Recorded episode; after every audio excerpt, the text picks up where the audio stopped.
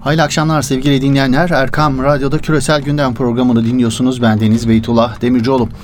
Küresel gündemde ön plana çıkan gelişmelerin perde arkasına ışık tutmaya çalıştığımız programımıza hoş geldiniz. Evet programımıza Orta Doğu gündemiyle başlıyoruz. Amerika Birleşik Devletleri'nin Suriye'den asker çekme kararı sonrası bölgesel ve küresel güçler arasındaki paralel nüfus mücadelesinde yaşananlar Orta Doğu gündeminde en çok konuşulan, değerlendirilen konular arasında yer alıyor. Bir taraftan kimi Arap rejimleri Esed yönetimini İran'dan uzaklaştırmaya, Esed'i yeniden kucaklamaya yönelik adımlar atarken öte yandan Esed'in hamisi ve bugün hala ayakta kalmasının nedeni olan Rusya ile rejimin düşmanı diye takdim edilen İsrail arasında son dönemde yoğunlaşan diplomasi dikkat çekiyor. Geçen hafta bir araya gelen Rusya Devlet Başkanı Vladimir Putin ile İsrail Başbakanı Netanyahu arasındaki görüşmenin ana gündem maddesi Suriye'deki yabancı güçlerin Suriye'den çıkartılacağı meselesiydi. Bu yabancı güçlerden de asıl kastedilen aktörün İran olduğunun altı çiziliyordu. En azından İsrail tarafından bu aktörün İran olduğu kalın kalın çizildi. Evet Esed rejimi bu yeni dönemde gerçekten de bir yol ayrımında mı sorusu gündemde. Ayakta kalmasına borçlu olduğu ülkelerden biri olan İran'dan birlikteliğimiz buraya kadarmış ayakta kalmam için verdiği desteklerden dolayı teşekkür ederim diyerek özellikle Körfez ülkelerinin Suriye'nin imarı için vereceği milyar dolarlara fit olur mu Esed? Esed geçen hafta gerçekleşen İran ziyaretinde Arap dünyası mı İran mı noktasında tercihinin İran olacağı mesajını vermişti açıkçası. İran'ı bölgeden uzaklaştırmak isteyen ABD, İsrail ve Körfez ülkelerine verilmiş çok net bir mesaj olarak okumuştu bu ziyaret. İran'ın kendileri açısından ne kadar önemli olduğunu, Suriye'yi İran'dan uzaklaştırma çabalarının sonuç vermeyeceğini göstermişti bir başka ifadeyle. Ancak Esed bu ziyaretin akabinde 2011 yılında meydana gelen iç savaştan bu yana ilk kez bir Arap Birliği toplantısına temsilci göndermekten de geri kalmadı. Esed rejimine bağlı meclis başkanı Hamuda Sabah, Ürdün'ün başkenti Amman'daki 29. Arap Birliği Parlamenterler Konferansı'na katıldı. Toplantıda konuşan Sabah, Suriye'nin foruma davet edilmesini doğal bir gelişme olarak niteledi. Ürdün Meclis Başkanı ise açıklamasında Ürdün'ün Suriye'nin üyeliğine yeniden kabul edilmesini Arap Birliği'nden açık şekilde talep ettiğini söylemişti. Lübnan, Cezayir, Irak, Tunus, Mısır, Sudan, Birleşik Arap Emirlikleri ve Bahreyn'in Suriye'nin üyeliğe yeniden kabul edilmesini destekleyen ülkeler olarak adları zikrediliyor. Aralıkta da Birleşik Arap Emirlikleri Şam Büyükelçiliğini yeniden hizmete açmıştı. Sudan Devlet Başkanı Ömer Beşir ise Suriye Savaşı başladığından beri Şam'ı ziyaret edip Esed'le görüşen ilk Arap lider olmuştu. Evet öyle gözüküyor ki Esed rejimi Arap Birliği'ne dönebileceğini ama bunu İran'dan vazgeçmeden yapacağı mesajını vermiş oluyor Arap Birliği'ne.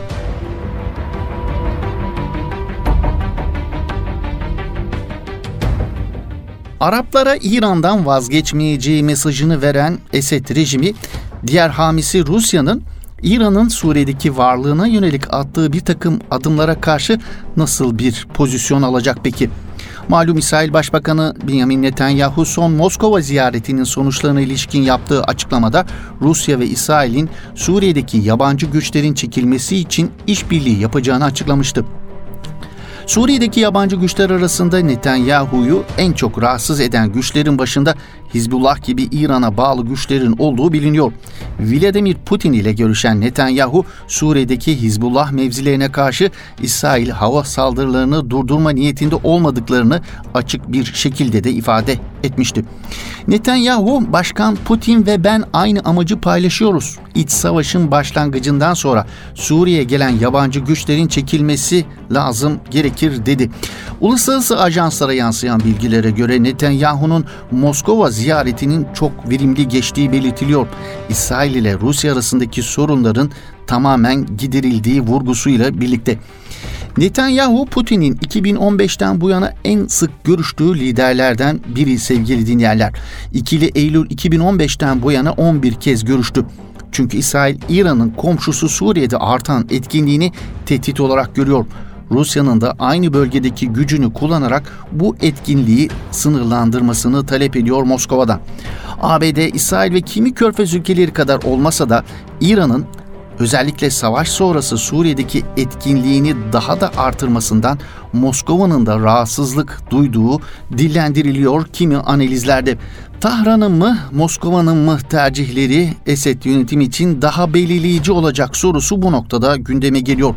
Hem İran'ın hem de Rusya'nın desteğine ihtiyaç duyan Esed'in zor bir tercihle karşı karşıya olduğu muhakkak. İki taraf arasında denge politikası izlemeye çalışan Esed rejimi bunda ne kadar başarılı olur ya da olmaz oldukça şüphe götüren bir durum söz konusu.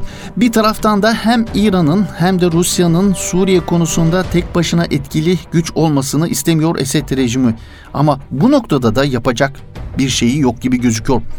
Analizlere yansıdığı şekilde ifade edecek olursak sevgili dinleyenler Suriye'deki İran'ın nüfusunu kırmak için İsrail sopasını kullanmayı tercih eden Moskova'nın İran etkisinin kırılması konusunda Netanyahu'nun taleplerine olumlu cevap vermesi halinde Esed ne yapacak? Bu noktada Esed'in Tahran'a daha fazla yaklaşmaktan başka seçeneği kalmıyor. Ancak o zaman da Arap dünyası ile ilişkilerini normalleştirmesi meselesi suya düşebilir. Bu da Suriye'nin yeniden inşası konusunda körfez sermayesinden olmak anlamına geliyor.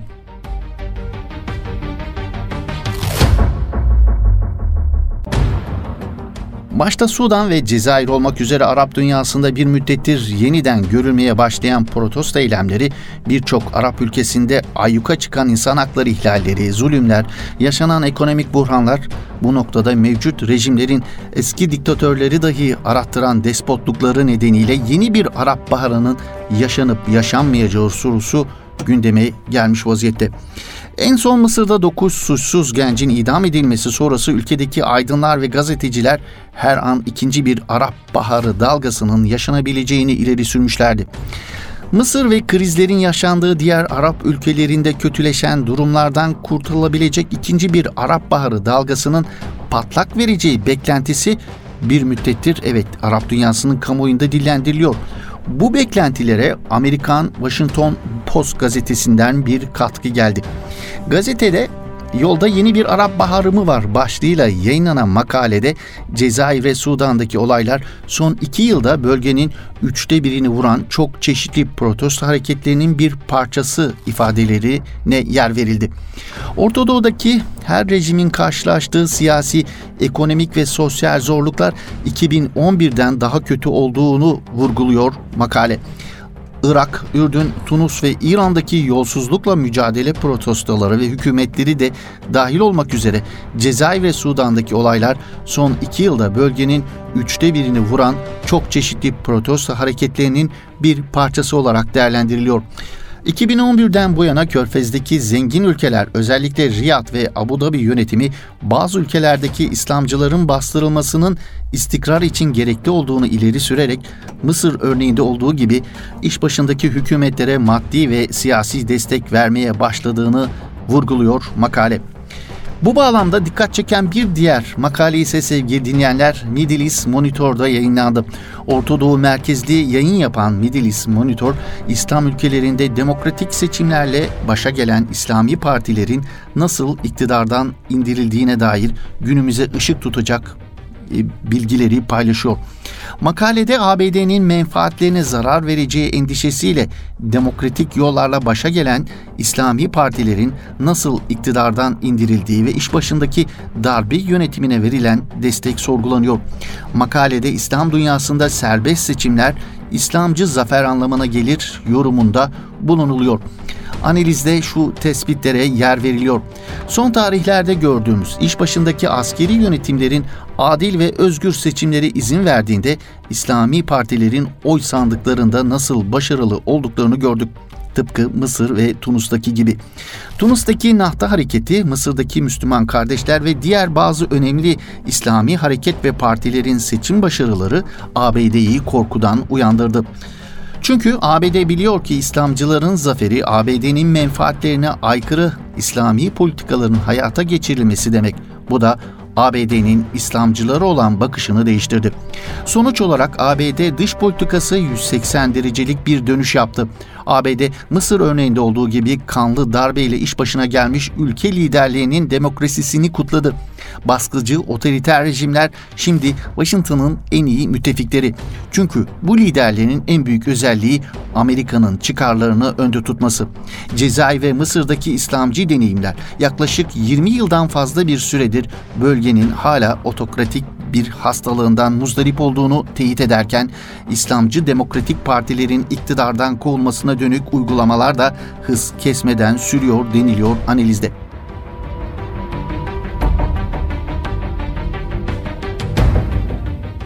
Evet söz konusu makalede bölgedeki bütün İslami partilerin ilk kez Amerika'nın darbesiyle karşı karşıya kalmadıklarının altı da çiziliyor. Mısır da Müslüman kardeşler deneyiminden 20 yıl önce Fransız hegemonyasındaki Cezayir halkı da aynı olayı yaşadığı belirtiliyor. Abbas Medeni liderliğindeki İslami Selamet Cephesi eşi benzeri görülmemiş bir sonuçla 1990'daki yerel seçimlerde koltukların çoğunluğunu kazandı. Ne var ki İslami Selamet Cephesi'nin bu başarısından endişelenen Batı'nın tahrikleriyle Cezayir ordusu 16 Ocak 1992 tarihinde yani seçimlerin ikinci turunun yapılacağı tarihe 5 gün kala gerçekleştirdiği darbe ile yönetime el koyarak seçimlerin ikinci turunu iptal etti ve Genel Başkan Profesör Doktor Abbas Medeni başta olmak üzere FİS ileri gelenlerinin çoğunu tutuklattı. Junta yönetimi daha önce mahalli seçimleri kazanarak iş başına gelen İslami Kurtuluş Cephesi'ne mensup belediye başkanlarını ve belediye meclisi üyelerini de görevden aldıktan sonra pek çoğunu tutuklattı. İlk tutuklama kampanyasında tutuklanan FİS mensuplarının sayısı 6 bin aştı. Bunların pek çoğu 45 derece sıcaklık altındaki toplama kamplarına gönderildi. Sonraki dönemde ortaya çıkan bir takım olaylar vesilesiyle de çok sayıda FİS mensubu tutuklandı. Junta Mart ayında da FİS'i tamamen kapattığını açıkladı. Evet yine sonraki dönemlerde tarihin en karanlık günlerini yaşayan Cezayir'de tam 200 bin kişi iç savaşta hayatını kaybettiği sevgili dinleyenler.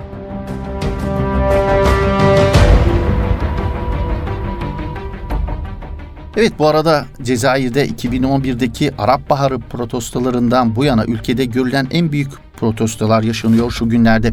On binlerce kişi 10 gündür Cumhurbaşkanı Abdülaziz Buteflika'nın 5. dönemine karşı protestolarını sürdürüyorlar. Eylemciler 82 yaşındaki Buteflika'nın 18 Nisan'da yapılacak Cumhurbaşkanlığı seçimlerini aday olmasına tepkili. Adaylık başvuru sürecinin dolduğu pazar akşamı Buteflika devlet televizyonunda okunan bir mektupla adaylığını resmen duyurdu. Bunun son adaylığı olacağı sözünü vermesi ise protestocuları tatmin etmiş değil. Protestocular 20 yıldır iktidarda olan Buteflika'nın sağlık durumunu da gerekçe göstererek artık geri çekilmesi gerektiğini söylüyor. 2013'te felç geçiren Buteflika'nın sağlık durumu oldukça kritik. Buteflika'nın yurt dışında tedavi olmayı tercih etmesi de 20 yıllık iktidarının nedenli başarısız olduğunun delili olarak sunuluyor.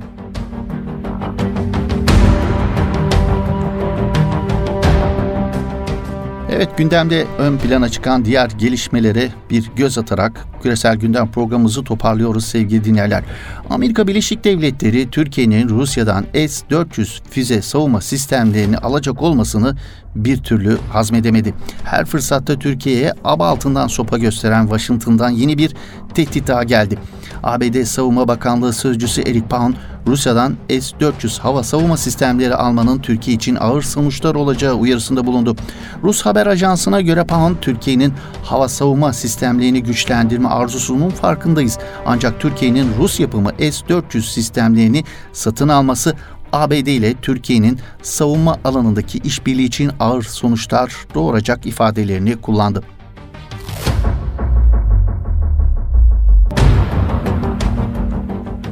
Cumhuriyet tarihinin en büyük tatbikatı olan ve 103 savaş gemisinin katılımıyla gerçekleşen Mavi Vatan 2019 tatbikatı sürüyor. 8 Mart'a kadar sürecek olan eğitimlere 103 gemi ve 20 bin personelin yanında deniz hava vasıtaları, kıyı birlikleri, SAT-SAS timleri ile kara, hava ve sahil güvenlik komutanlığı unsurları katılıyor. Evet tatbikat başta Yunanistan olmak üzere uluslararası medyada da ses getirmeye devam ediyor. Yunan medyası hemen her gün tatbikata ilişkin haberler yaparken Türkiye'nin Ege'deki saha üstünlüğüne ilişkin değerlendirmelerde bulunmaları dikkat çekiyor. Programlarda konuklar Türkiye'nin Mavi Vatan tatbikatını değerlendirirken Ege'de onlardan izinsiz bir kuşun dahi uçmayacağını gösteriyorlar, ifadelerini kullanıyorlar.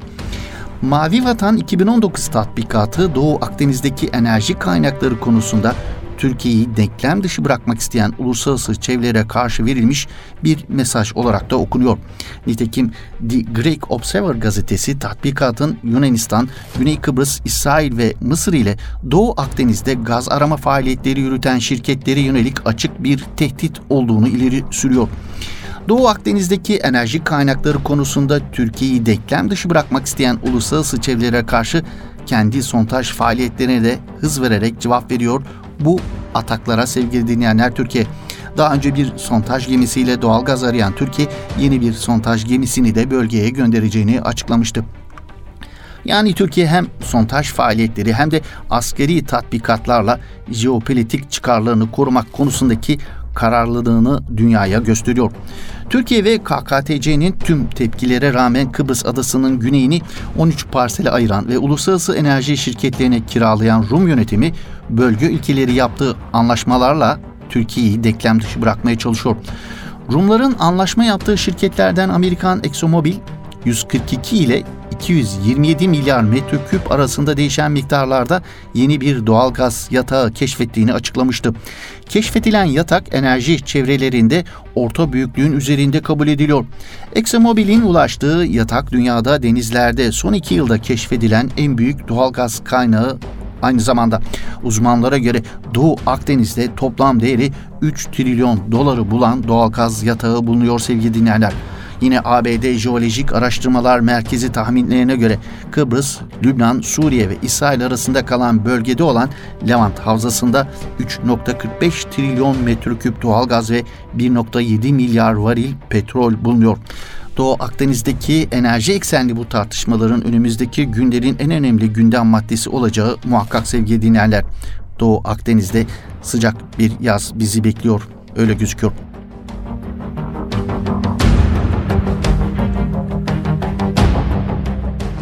Evet bir küresel gündemin daha böylelikle sonuna gelmiş bulunuyoruz sevgili dinleyenler. Yeni bir küresel gündemde yeni gündemlerde buluşmak ümidiyle. Hoşçakalın iyi akşamlar efendim.